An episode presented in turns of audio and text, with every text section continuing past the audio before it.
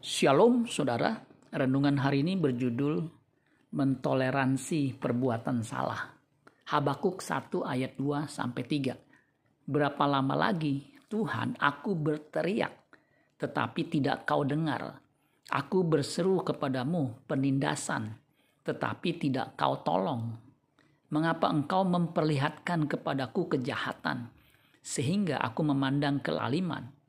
Ya, aniaya dan kekerasan ada di depan mataku. Perbantahan dan pertikaian terjadi. Terjemahan New International Version Habakuk 1 ayat 3 dikatakan begini. Why do you make me look at injustice?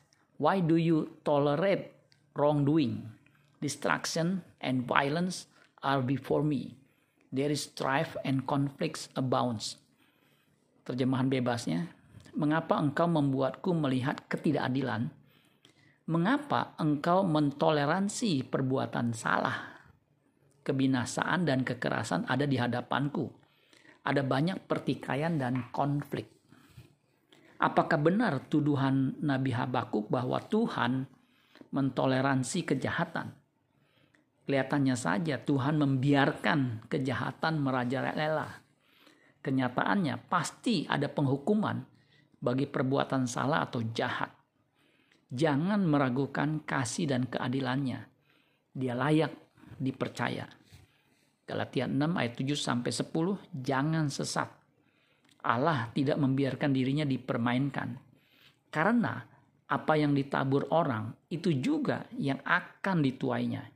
Sebab barang siapa menabur dalam dagingnya, ia akan menuai kebinasaan dari dagingnya.